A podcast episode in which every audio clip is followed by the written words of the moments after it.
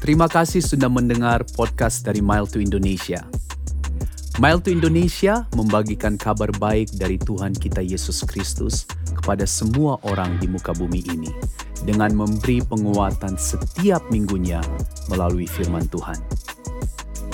Pelayanan kami dapat terlaksana atas kerjasama dari para mitra pelayanan online kami, yaitu melalui support secara berkelanjutan dengan pemberian secara online dan seberapapun jumlah yang Bapak, Ibu, Saudara-saudari berikan kepada pelayanan Mile to Indonesia akan sangat membantu kami Mile to Indonesia untuk memberitakan kabar keselamatan kepada ribuan orang setiap minggunya. Jadilah mitra pelayanan kami dengan mengunjungi website kami miletoindonesia.com. Dan sekali lagi, terima kasih banyak atas semua support yang diberikan dan selamat menyaksikan berita firman Tuhan minggu ini. Salam sejahtera dalam kasih Kristus. Puji Tuhan, saudara bisa bergabung kembali dalam ibadah online Mile to Indonesia. Saya harap saudara akan diberkati melalui firman Tuhan pada hari ini. Dalam dua minggu ini, kita akan berbicara tentang seri khotbah yang berjudul Jangan Suka Membandingkan. Jangan suka membandingkan. Sebelum saya berbicara lebih lanjut, saya mengajak kita berdoa. Terima kasih Tuhan untuk waktu yang Engkau berikan di mana kami boleh mendengar kebenaran firman-Mu. Kami sangat membutuhkan firman-Mu sebagai pedoman dalam hidup kami. Roh Kudus tolonglah kami agar kami tidak hanya mendengar firman Tuhan dan melupakannya, tetapi mampukan kami agar kami bisa menjadi pelaku firman-Mu. Dalam nama Yesus kami telah berdoa. Amin.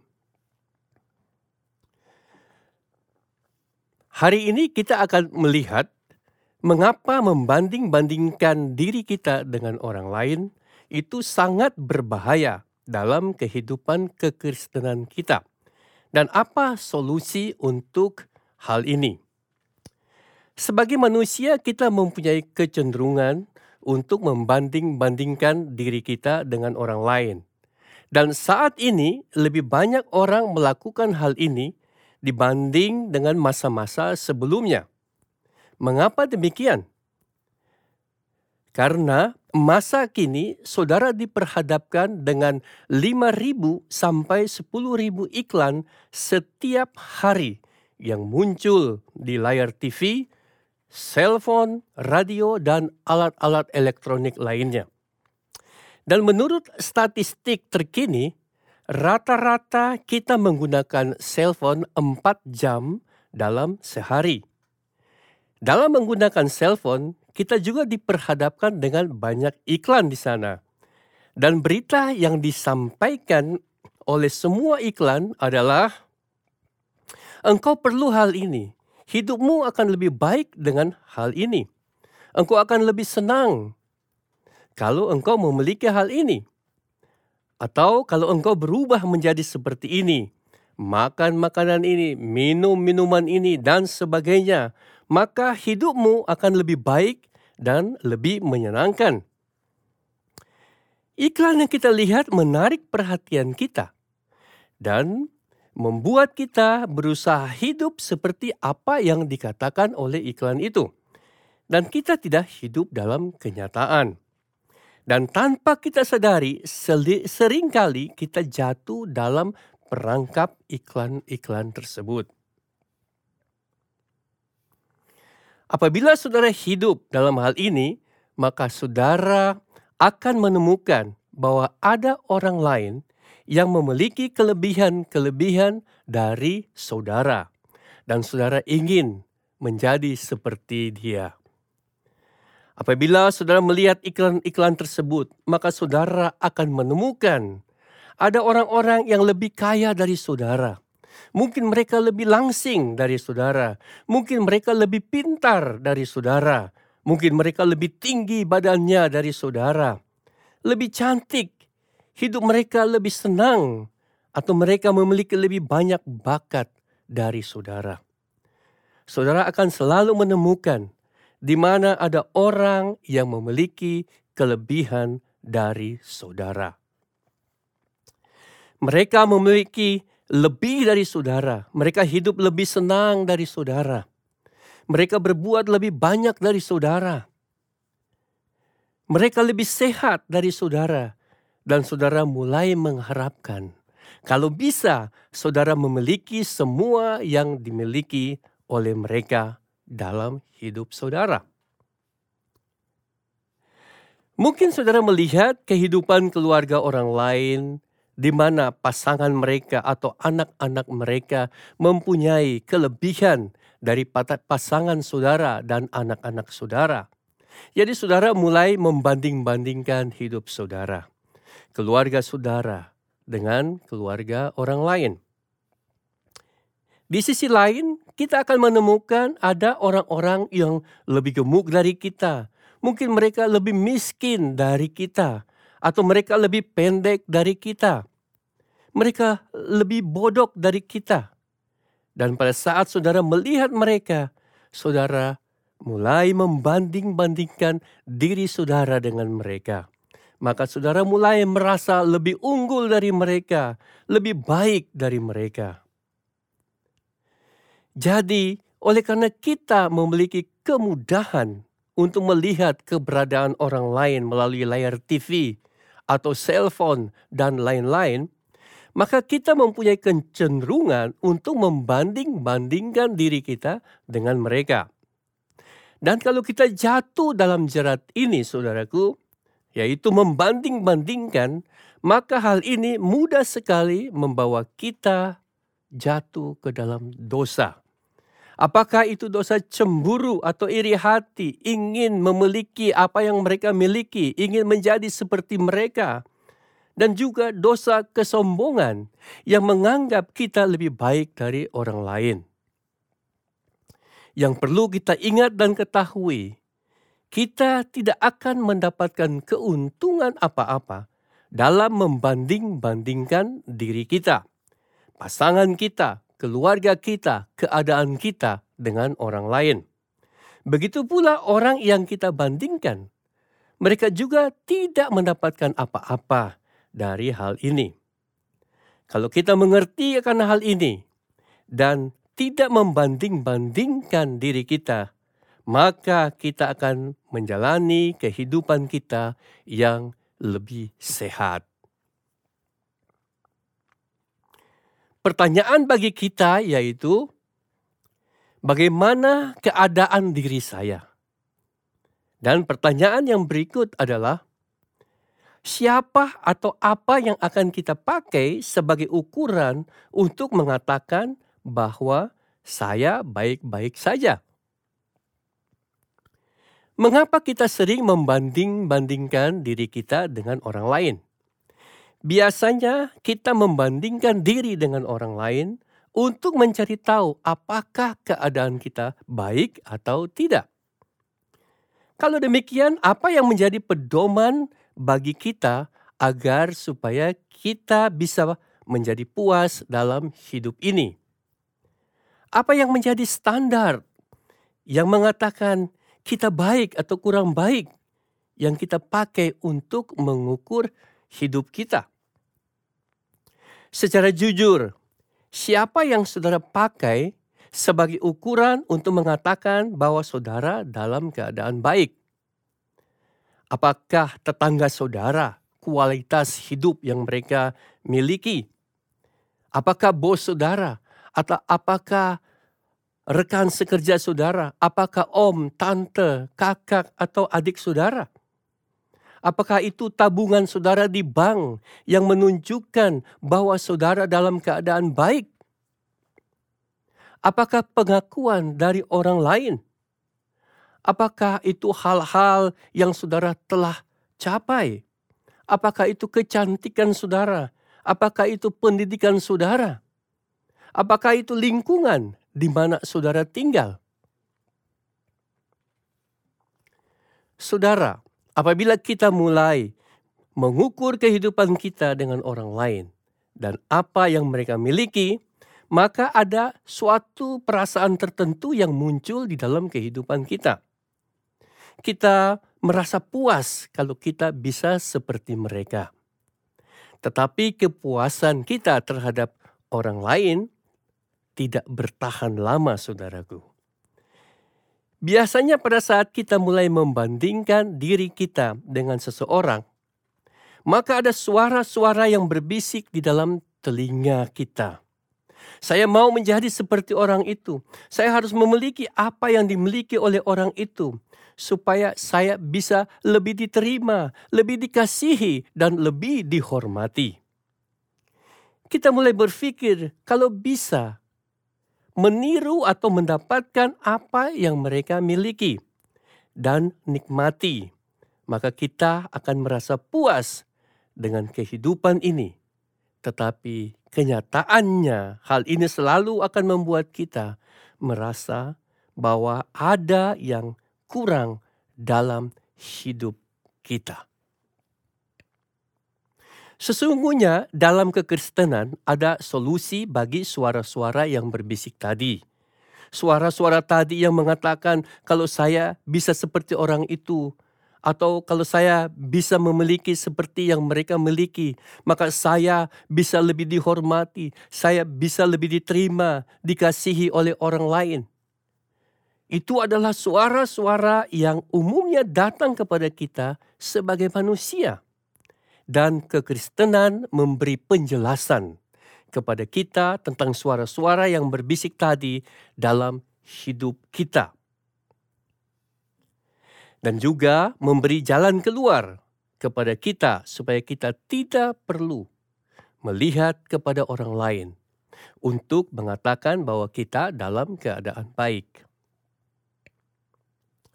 Kita akan membaca dalam surat Paulus kepada jemaat-jemaat yang ada di Galatia, di mana ayat-ayat ini memberi jawaban kepada kita mengenai suara-suara tadi yang berbisik di dalam kehidupan kita. Kita akan melihat di dalam Galatia pasal 4 ayat 4 sampai dengan ayatnya yang ke-6. Ayat 4 berkata, "Tetapi setelah genap waktunya, maka Tuhan mengutus anaknya yang lahir dari seorang perempuan dan takluk kepada hukum Taurat. Yesus datang ke dalam dunia, hidup sebagai manusia dan menderita sebagai manusia dengan tujuan untuk menebus umat manusia dari hukum Taurat.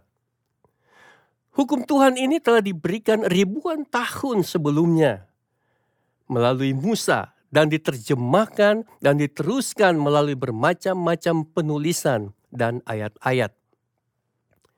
Hukum Tuhan ini diberikan kepada manusia sebagai cermin yang memberitahukan bahwa ada sesuatu yang salah Paulus berkata dalam Roma pasal 7 ayatnya yang ke-7.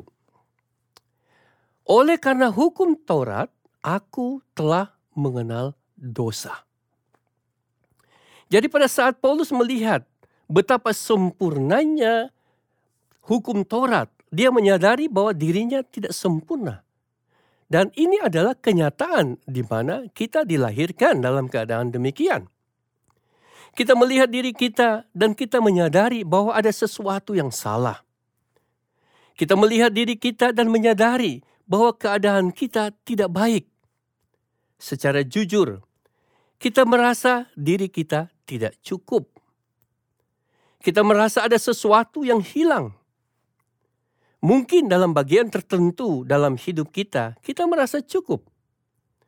Baik-baik saja, tetapi kemudian kita temukan ada bagian dalam hidup kita yang kita rasa kurang. Dan kita menyadari bahwa kita kehilangan sesuatu. Kita tidak sempurna. Hukum Taurat diberikan supaya kita menyadari bahwa kita tidak cukup. Tidak sempurna. Ada sesuatu yang hilang. Kita seorang diri tidak cukup dalam segala sesuatu. Walaupun ini adalah berita yang tidak menyenangkan tetapi berita ini adalah suatu kebenaran. Itu sebabnya Yesus datang dan menyelamatkan kita. Paulus memakai kata menebus kita. Nanti kita akan melihatnya. Kita semua tahu bahwa ada yang kurang dalam hidup kita. Ada sesuatu yang hilang. Tetapi kita tidak tahu apa penyebabnya. Kita mencari ke mana-mana untuk mengisi apa yang kurang di dalam hidup kita. Kita mencoba mengejar bermacam-macam jawaban dan solusi untuk menjawab perasaan yang kita rasakan. Kadang-kadang kita berpikir bahwa solusi untuk menjawab perasaan itu adalah uang, penampilan, pendidikan. Namun kemudian kita melihat bahwa ada orang yang memiliki apa yang kita rasa kurang tadi, ternyata mereka juga merasa seperti apa yang kita pikirkan. Berapa banyak uang yang mereka dapatkan? Berapa tinggi pendidikan mereka? Mereka tetap mendengar suara-suara yang berbisik itu. Mungkin mereka mendengar suara yang berbisik itu berbeda dengan suara yang kita dengar dan dengan cara yang berbeda pula. Jadi kita semua mendengar suara yang berbisik bahwa ada yang kurang dalam diri kita. Dan oleh karena itu, banyak orang yang mulai membanding-bandingkan diri mereka dengan orang lain. Sedihnya banyak orang yang ingin menjadi seperti orang-orang kaya yang telah mencapai status mereka sebagai orang yang terkaya di dunia atau orang yang terkaya yang terkenal di dunia tetapi banyak dari mereka yang justru membinasakan diri mereka dengan apa yang mereka telah capai. Saudara, masalah kita bukannya kita kekurangan sesuatu. Tetapi yang kita perlu ketahui bahwa ada pemisahan yang terjadi antara kita sebagai ciptaan dengan Tuhan Sang Pencipta setelah manusia pertama Adam dan Hawa jatuh ke dalam dosa. Dan sejak itu dosa masuk ke dalam setiap manusia yang lahir di bawah kolong langit ini. Dosa menyebabkan kita merasa tidak aman. Tidak merasa diri kita cukup. Merasa diri kita kurang ada yang hilang dalam hidup kita, sehingga kita mulai mencari apa yang hilang itu dengan cara membanding-bandingkan diri kita dengan orang lain. Rasa tidak aman ini tertanam begitu dalam di dalam kehidupan kita. Kita selalu dihantui dengan pikiran yang mengatakan bahwa hidup saya tidak cukup. Siapa sebenarnya saya ini? Hal ini merupakan masalah identitas di dalam hidup kita. Dan dari masalah identitas yang merasa tidak aman ini, mulai kita mulai mencari sesuatu untuk mengisi kekosongan dalam hidup kita. Saudaraku, terpisah dari pencipta yang menciptakan kita membuat kita kekurangan sesuatu. Kita tidak komplit kita tidak utuh. Mengapa? Karena kita manusia, kita berada di bumi ini bukan secara kebetulan saudaraku. Tetapi kita diciptakan oleh Tuhan dan untuk Tuhan.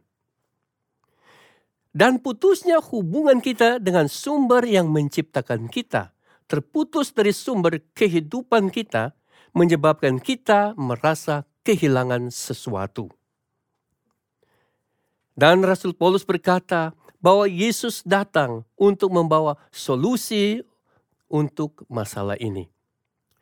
Apa yang dikatakan Paulus tadi?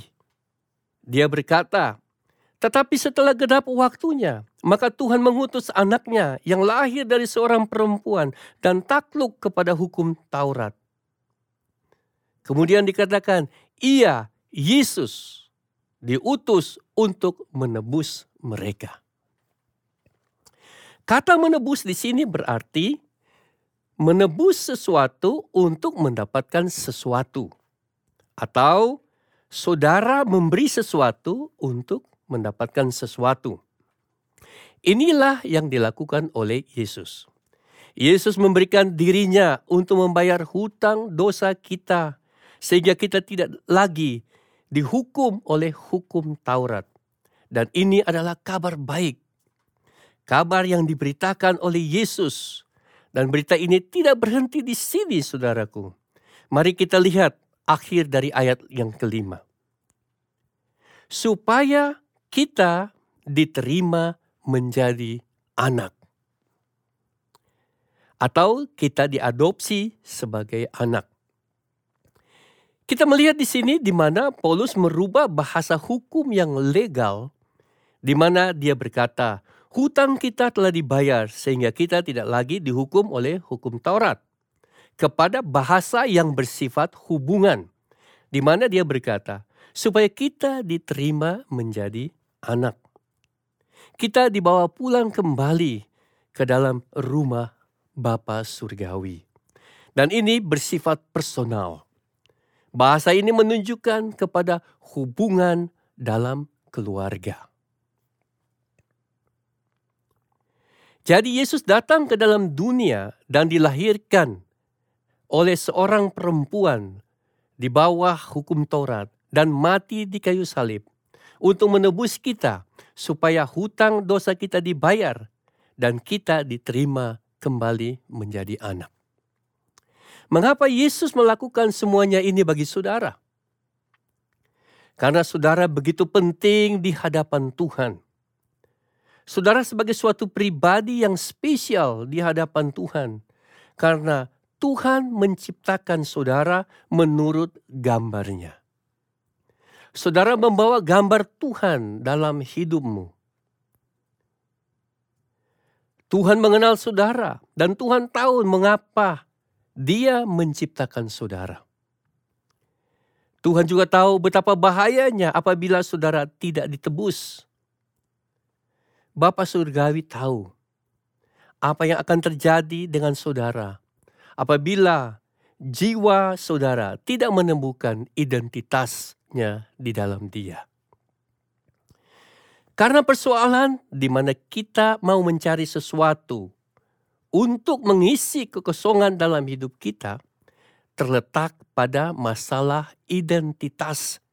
Dan Bapak Surgawi yang menciptakan dan membentuk kita atau saudara, dia berkata bahwa aku tahu bagaimana caranya untuk memulihkan hidupmu kembali.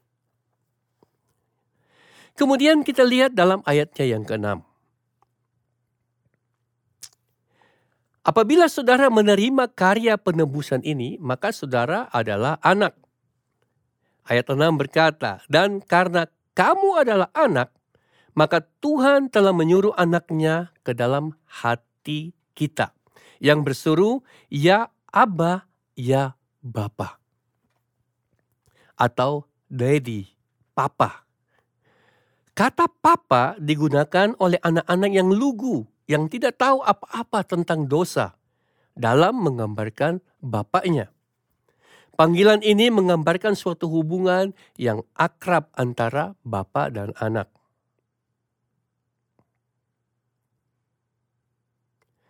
Melalui Yesus Kristus, hubungan kita sebagai ciptaan yang putus dengan Tuhan Sang Pencipta kita dipulihkan dan saudara memiliki kesempatan untuk datang kepada Tuhan bukan sebagai hakim, bukan sebagai penguasa yang menciptakan segala sesuatu, tetapi saudara mempunyai kesempatan untuk datang kepada Tuhan sebagai Papa sebagai bapak saudara. Hal ini menggambarkan suatu hubungan yang intim dan nyata. Coba saudara pikirkan hal ini. Saudara diundang untuk datang kepada Tuhan sebagai papa saudara. Papa yang sempurna. Papa yang selalu ada di sana untuk menolong saudara. Dan coba saudara cari di dunia ini Apakah ada papa atau orang tua yang baik yang membandingkan anak-anaknya? Jawabannya sudah pasti tidak ada orang tua yang baik yang membanding-bandingkan anak-anaknya.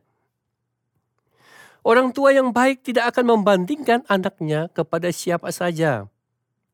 Orang tua yang baik ada bersama anak-anaknya untuk menolong mereka, untuk mengasihi mereka apa adanya.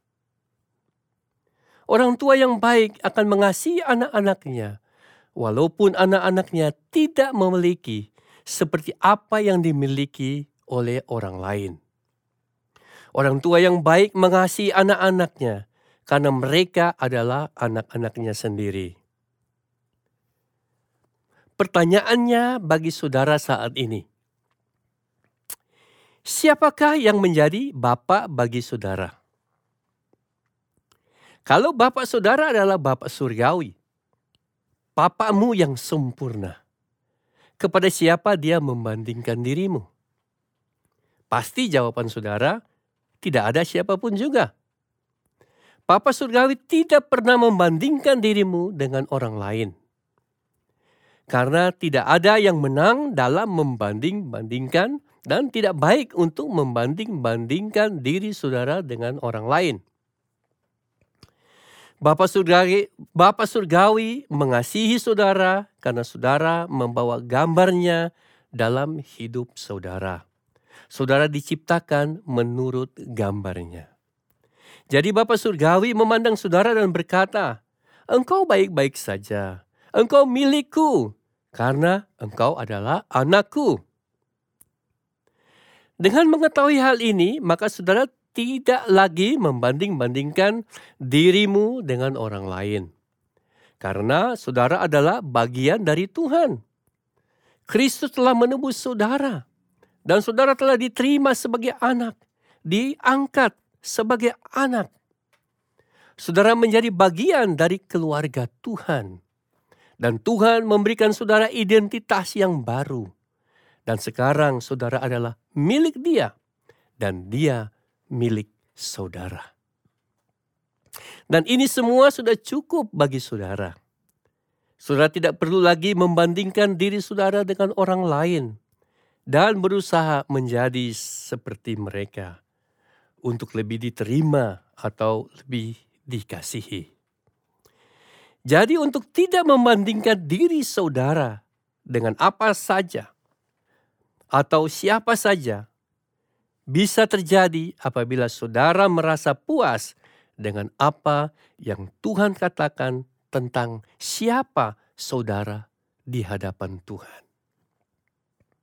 Dengan kata lain, kita harus menerima semua yang dikatakan tentang diri kita oleh Tuhan yang menciptakan kita, yang mengasihi kita, dan yang menebus kita.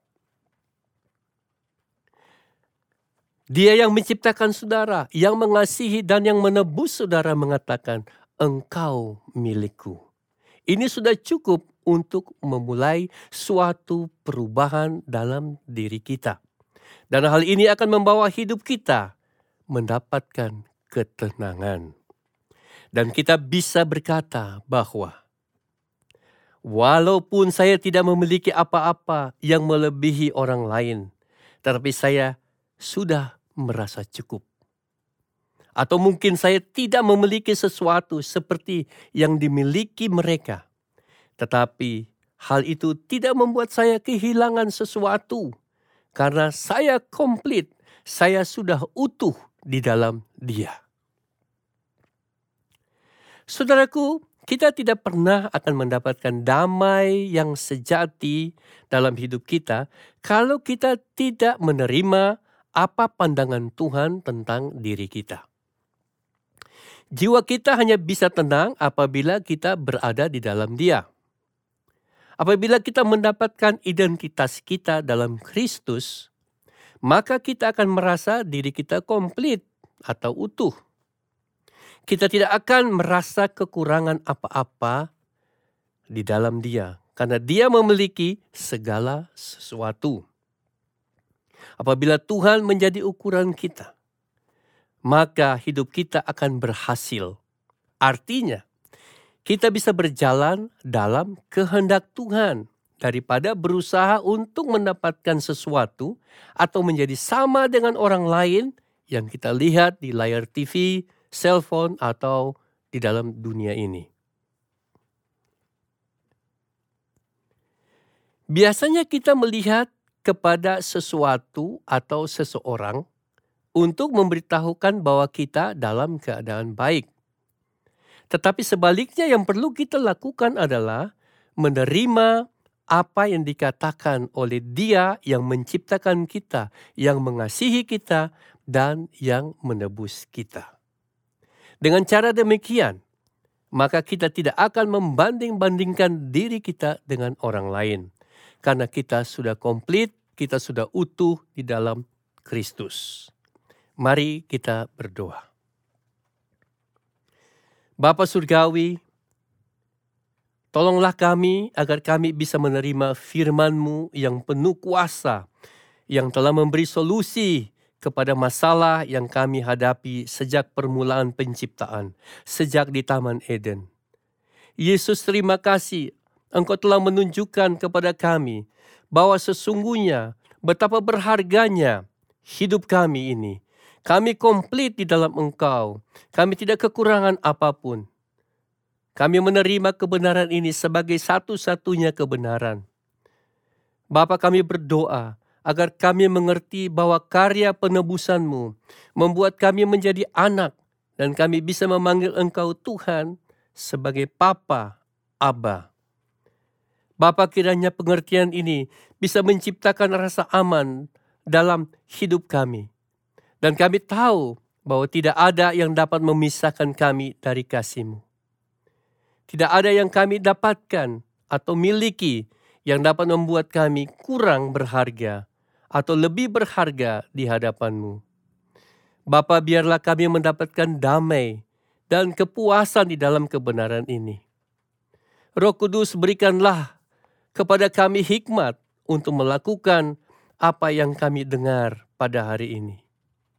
Berikan kami keberanian untuk kami keluar dari kebiasaan membandingkan diri kami dengan orang lain, sehingga kami bisa berjalan dalam kemerdekaan. Di dalam nama Yesus, kami berdoa. Kiranya Tuhan memberkati engkau dan melindungi engkau. Tuhan menyinari engkau dengan wajahnya dan memberi engkau kasih karunia. Tuhan menghadapkan wajahnya kepadamu dan memberi engkau damai sejahtera. Amin. Terima kasih banyak sudah mendengarkan pesan firman Tuhan di minggu ini. Dan jikalau Bapak, Ibu, Saudara-saudari ingin menghubungi kami selama minggu berjalan, silakan mengunjungi website kami yaitu miletoindonesia.com. Di dalam website kami, Bapak, Ibu, Saudara-saudari dapat mencantumkan permohonan doa bergabung dengan doa online setiap minggunya, dan juga dapat mencari referensi khotbah-khotbah yang lainnya yang tentunya dapat menguatkan iman percaya. Kami berharap dengan ini semua, cinta kasih kita kepada Tuhan dan sesama terus bertumbuh. Tuhan Yesus memberkati kita.